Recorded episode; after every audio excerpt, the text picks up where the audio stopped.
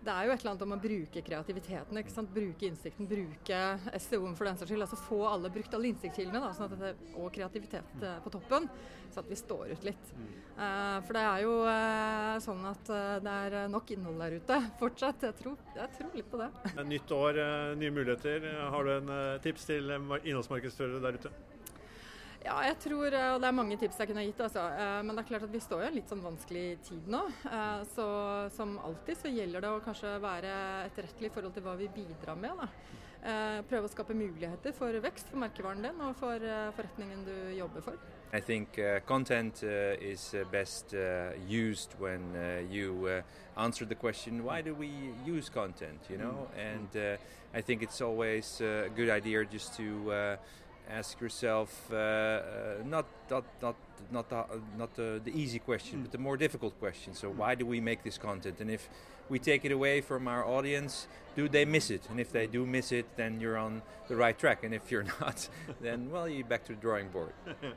well, the golden tip that uh, brought me a lot of uh, good fortune is that uh, you should just move forward a lot and uh, not ask for permission all the time, uh, just not wait for uh, anybody, but just uh, maybe ask for forgiveness every now and again. But ask for permission or asking for permission is always uh, the reason for people to uh, to not do things. And I think you need to keep moving.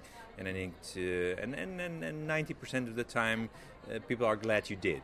So you have been part of the content marketing industry for many many years in Germany. are we getting any better, or is it still too much crap content out there?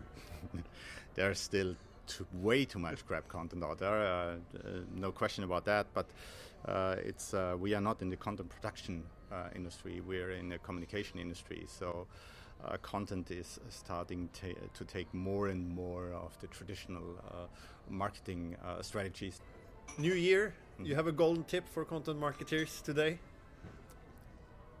As as every year you have to burn uh, the bridges.